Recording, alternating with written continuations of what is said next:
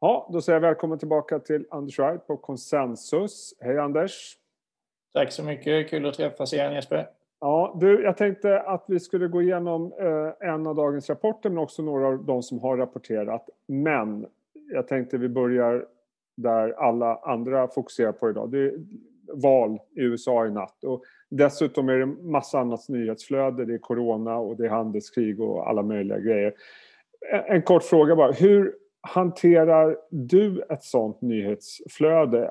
Är det någonting som påverkar egentligen din investeringsstrategi? Eller hur hanterar du allt det som sprutar ut från medier just nu?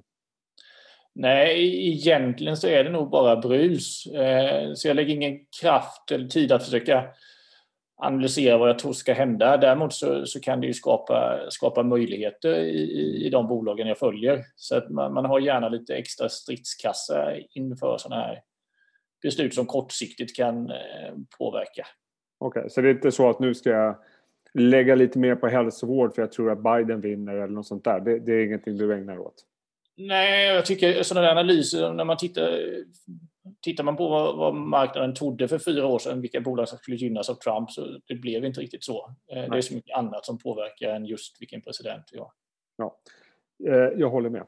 Du, eh, jag tänkte vi börja med en av dagens rapporter och det är omåttligt populära Sinch som kom in med rapport. Aktien stiger kraftigt och återigen ser ut som en riktigt, riktigt stark rapport.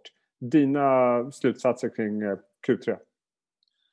Jättestarkt såklart. Eh, eh, det är inget jättestort innehav. Vi har väl 2-3 procent av fonden här. Eh, och det är väl för att det är trots allt kanske ett av, av Stockholmsbörsens dyraste bolag om man bara tittar på, på årets vinst. Då. Men alltså, jag skulle tro att, att vinsten tripplas fram till, till 2022. Och då kanske vi pratar 25-30 gånger vinsten helt plötsligt. Eh, och det är klart, det är inte billigt men det är, det är heller inte dyrt. Och jag, jag, tror att det som händer i världen är att vi kommer få vänja oss vid väldigt låga räntor och då är det den här typen av, av bolag med stabil tillväxt år efter år som, som kommer vara populärast bland, bland eh, investerarna. Och uppenbarligen är det så att det här är bolag som inte påverkas negativt av corona, snarare tvärtom. Så att med de tillväxtförutsättningar som du ser och med tanke på den styrka de har i marknaden just nu så för det är ju liksom värderingen som ofta kommer upp när man pratar om Sinch. Men, så är det och, och, här tycker jag ändå analytikerna skrivit upp sina förväntningar en del inför Q3 och då, och då slår man översta raden med 10% och vinsten ja. med, med 25. Eh, det, det, är ingen, det är ingen dålig bit man gör där. Så det, så det, det, det är nog många som tvingas att skruva upp sina estimat ytterligare. Då.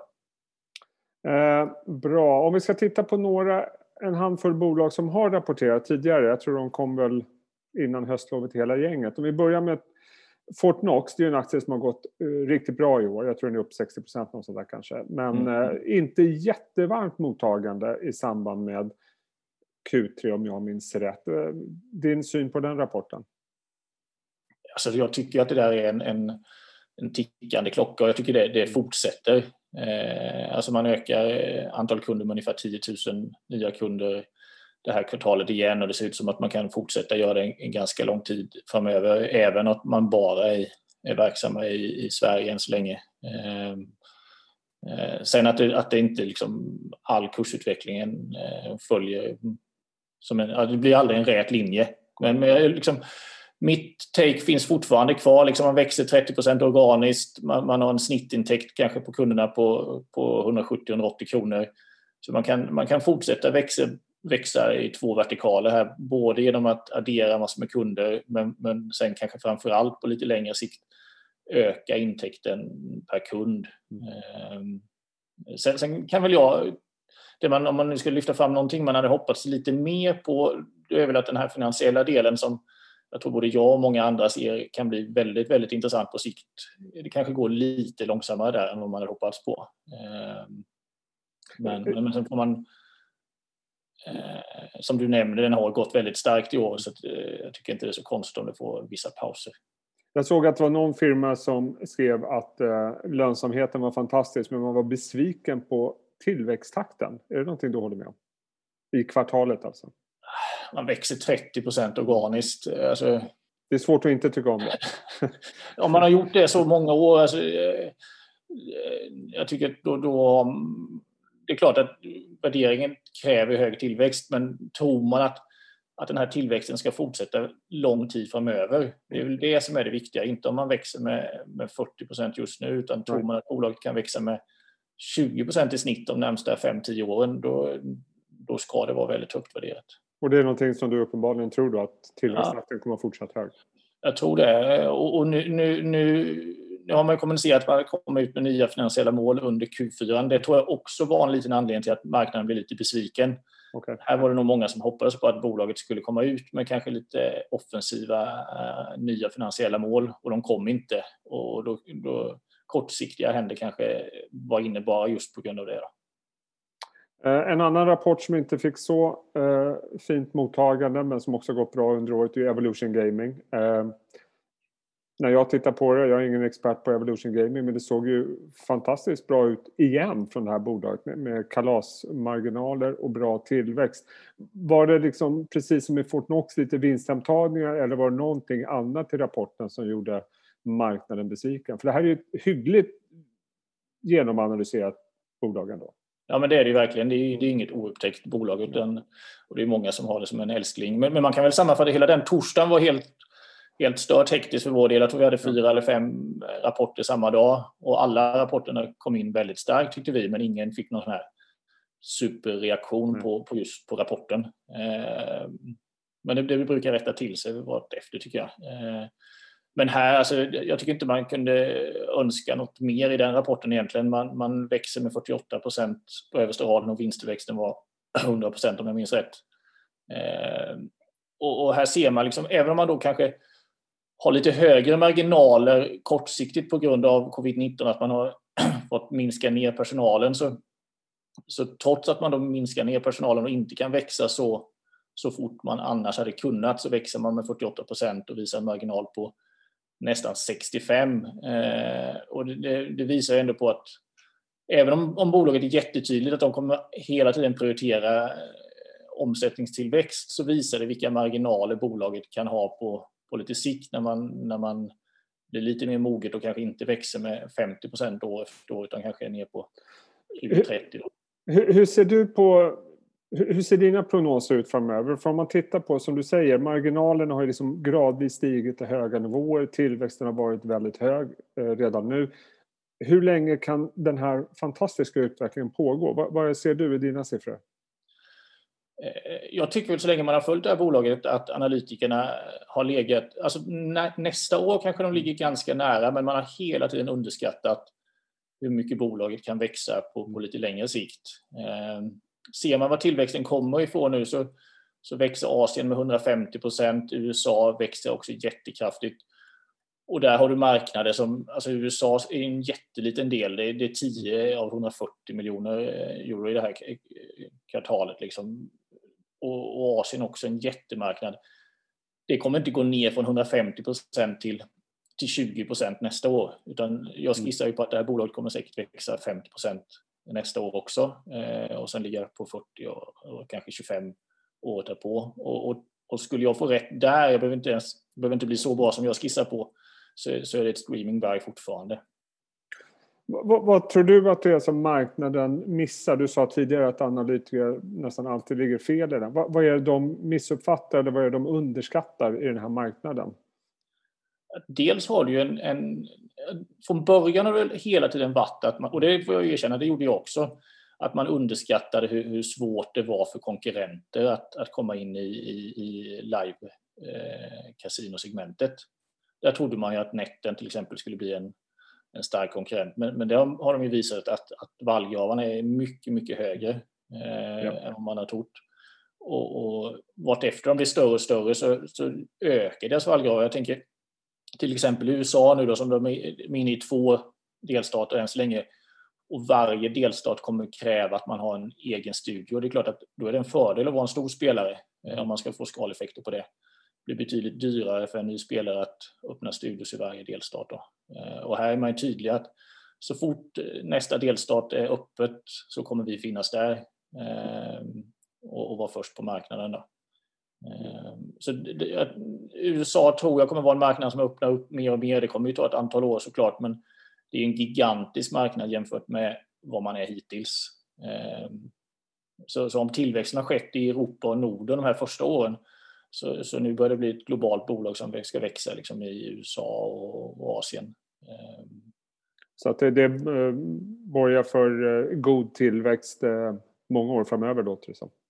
Ja, det, det, det är vad jag ser framför mig. Sen får man hela tiden ompröva sin, sin, sin analys såklart. Ja. Men, men jag tycker det mest logiska om man tittar på bolaget idag är att, att de kan fortsätta ha en väldigt stark tillväxt. Mer än bara 2021. Du, jag tänkte att vi skulle ta ett annat eh, bolag, en helt annan sektor. Eh, jag tror att eh, förutom techsektorn så är det nog den här sektorn det som förvaltare har varit mest intresserade av när, man, när jag har pratat med dem. Och det är husdjur eller djursektor, jag vet inte riktigt vad man ska kalla det för. Eh, som har gått fantastiskt bra och givetvis gynnats då av pandemin att det är så många som skaffar husdjur. Eh, Sveriges stolthet i det här det är väl Swedencare då som också kom med en fantastisk rapport. De går väl från klarhet till klarhet känns det som. Absolut, alltså, de har ju växt organiskt under lång tid men här mm. ser man ju även att bolaget har börjat bli mer aggressiva och, och börja förvärva bolag också. Och det, det, tror jag är en trend som kommer, kommer fortsätta. Eh, det är den känslan i alla fall man får när man pratar med, med Håkan. Att de kommer göra fler förvärv menar ja. ja. För samtidigt om man tittar på rapporten, jag tror att det var så att Rensar för förvärv så var tillväxten eh, vad var det, 25 procent någonting om inte jag minns exakt, fel. Exakt. Så att, alltså det, de växer jättefint mm. organiskt eh, men, men Dels så kommer man kunna öka på tillväxten tack vare förvärven men även så tycker jag att risken i det här caset har, har sjunkit tack vare de här senaste eh, förvärven. Då, att man innan kanske var lite rädd eh, för att de hade en stor produkt med ett patent som, som gick ut rätt eller fel och var orolig för det. Men, men det var uppenbart att marknaden var lite skeptisk till det. Då. Eh, nu får man fler ben att stå på och jag tror att tillväxttakten kommer fortsätta här. Så här, här tror jag att man kan se en vinsttillväxt på, på 50 procent eh, de närmsta tre åren i snitt. Ja, sen är väl min känsla lite grann att man pratar ju ofta om den här sektorn som en liksom coronavinnare för det är så himla många som köper hundar och katter och allt vad det är. Men det borde väl rimligtvis också innebära att marknaden kommer vara stark många år framöver, även efter pandemin har försvunnit. Vi ska ju börja underhålla alla de här katterna och behandla dem med läkemedel och klä dem och allt vad man gör. Så är det. Eh, och, och, tycker vi att vi tar hand om våra, våra husdjur i Sverige så, mm. så är det än mer så i, i Asien och USA. Det, det, liksom, det, det, finns ingen begränsning på hur mycket pengar man är beredd att lägga på, på sina husdjur. Egentligen. Du, jag tänkte att vi skulle avsluta med en nordisk eh, granne. Va? Eh, ett eh, medtechbolag får man nästan kalla det. Medtech eh, digitaliseringsbolaget Carasent. Eh, också en väldigt stark Q3 även om givetvis, vi pratar om ganska låga nivåer på, på siffrorna än så länge. Mm. Eh, vad säger du om den rapporten? Men åter, alltså, många av de här bolagen liknar varandra, att man liksom mm. kan se en, en underliggande kundtillväxt. Alltså, jag gillar ju mer att titta på de här liksom underliggande siffrorna, kundtillväxt och kön och sånt där. Och där har ju de här bolagen väldigt mycket gemensamt. Och här ser man också att det, liksom, att det är liksom en, ett, eh, trenden är väldigt, väldigt positiv. Nu, jag tror de är uppe på 470 kunder nu, de var på 450 kvartalet innan eh, och det är väl ingen vild gissning att man är på 500 i, i nästa kvartal. Då. Ja. Eh, det är i, i, kombination med att, att man har tagit in ganska mycket pengar eh, ganska nyligen eh, som man inte har gjort någonting med. Eh, det är väl inte en alltför kvalificerad gissning att, att, kom, att man tittar på förvärv. Eh, och där skulle väl vår gissning vara att ja, men man är stark i Sverige, man vill säkert komma in på, på, på Norge-marknaden också. Kanske lättare att göra det via ett förvärv först. Eh, det finns säkert, säkert kompletterande grejer man kan göra i Sverige också. Ehm, men, men, man, här växer man 40 procent med en marginal på 25 så det, det är ett av liksom riktigt SAS-bolag när det är som bäst. Min erfarenhet av den här hälsovårdssektorn det är att eh, eh det finns ett enormt behov av digitalisering av sjukvården. Det liksom har alltid varit ett väldigt stort behov och eftersatt. Men att nackdelen är att eh, hälsovård, inte minst kanske i Norden och Sverige, att det är ganska trögrörligt. Det är en hel del byråkrati och, eh, för att det ska göra stora investeringar. Hur, hur känner du för det? Hur, jag håller med. Lyckas men, ja, nej, men jag håller med dig helt. Mm.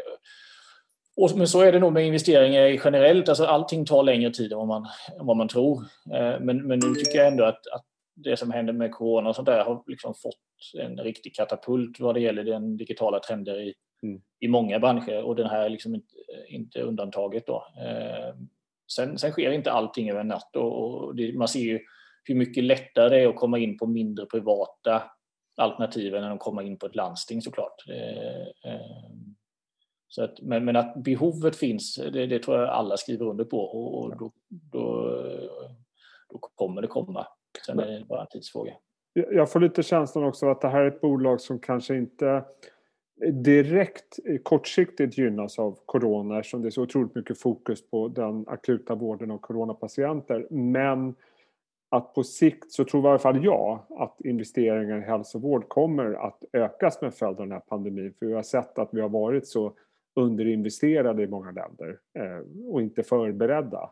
Att det här är någonting som kanske ja, kanske inte någon jätteskjuts kortsiktigt, men att det gradvis kommer att investeringarna kommer att öka. Håller du med om det?